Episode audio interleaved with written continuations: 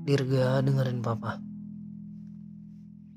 Tujuan papa bikin podcast ini karena ada banyak banget hal yang pengen papa ceritain ke kamu. Ada banyak juga hal yang pengen papa ajarin ke kamu. Lewat podcast ini, nanti kalau kamu udah besar, kamu bisa dengerin cerita dari papa kapan pun kamu mau. Dan nanti kalau udah besar, gantian ya. Kamu yang harus banyak cerita ke papa. Papa bakal siap dengerin semua cerita-cerita kamu.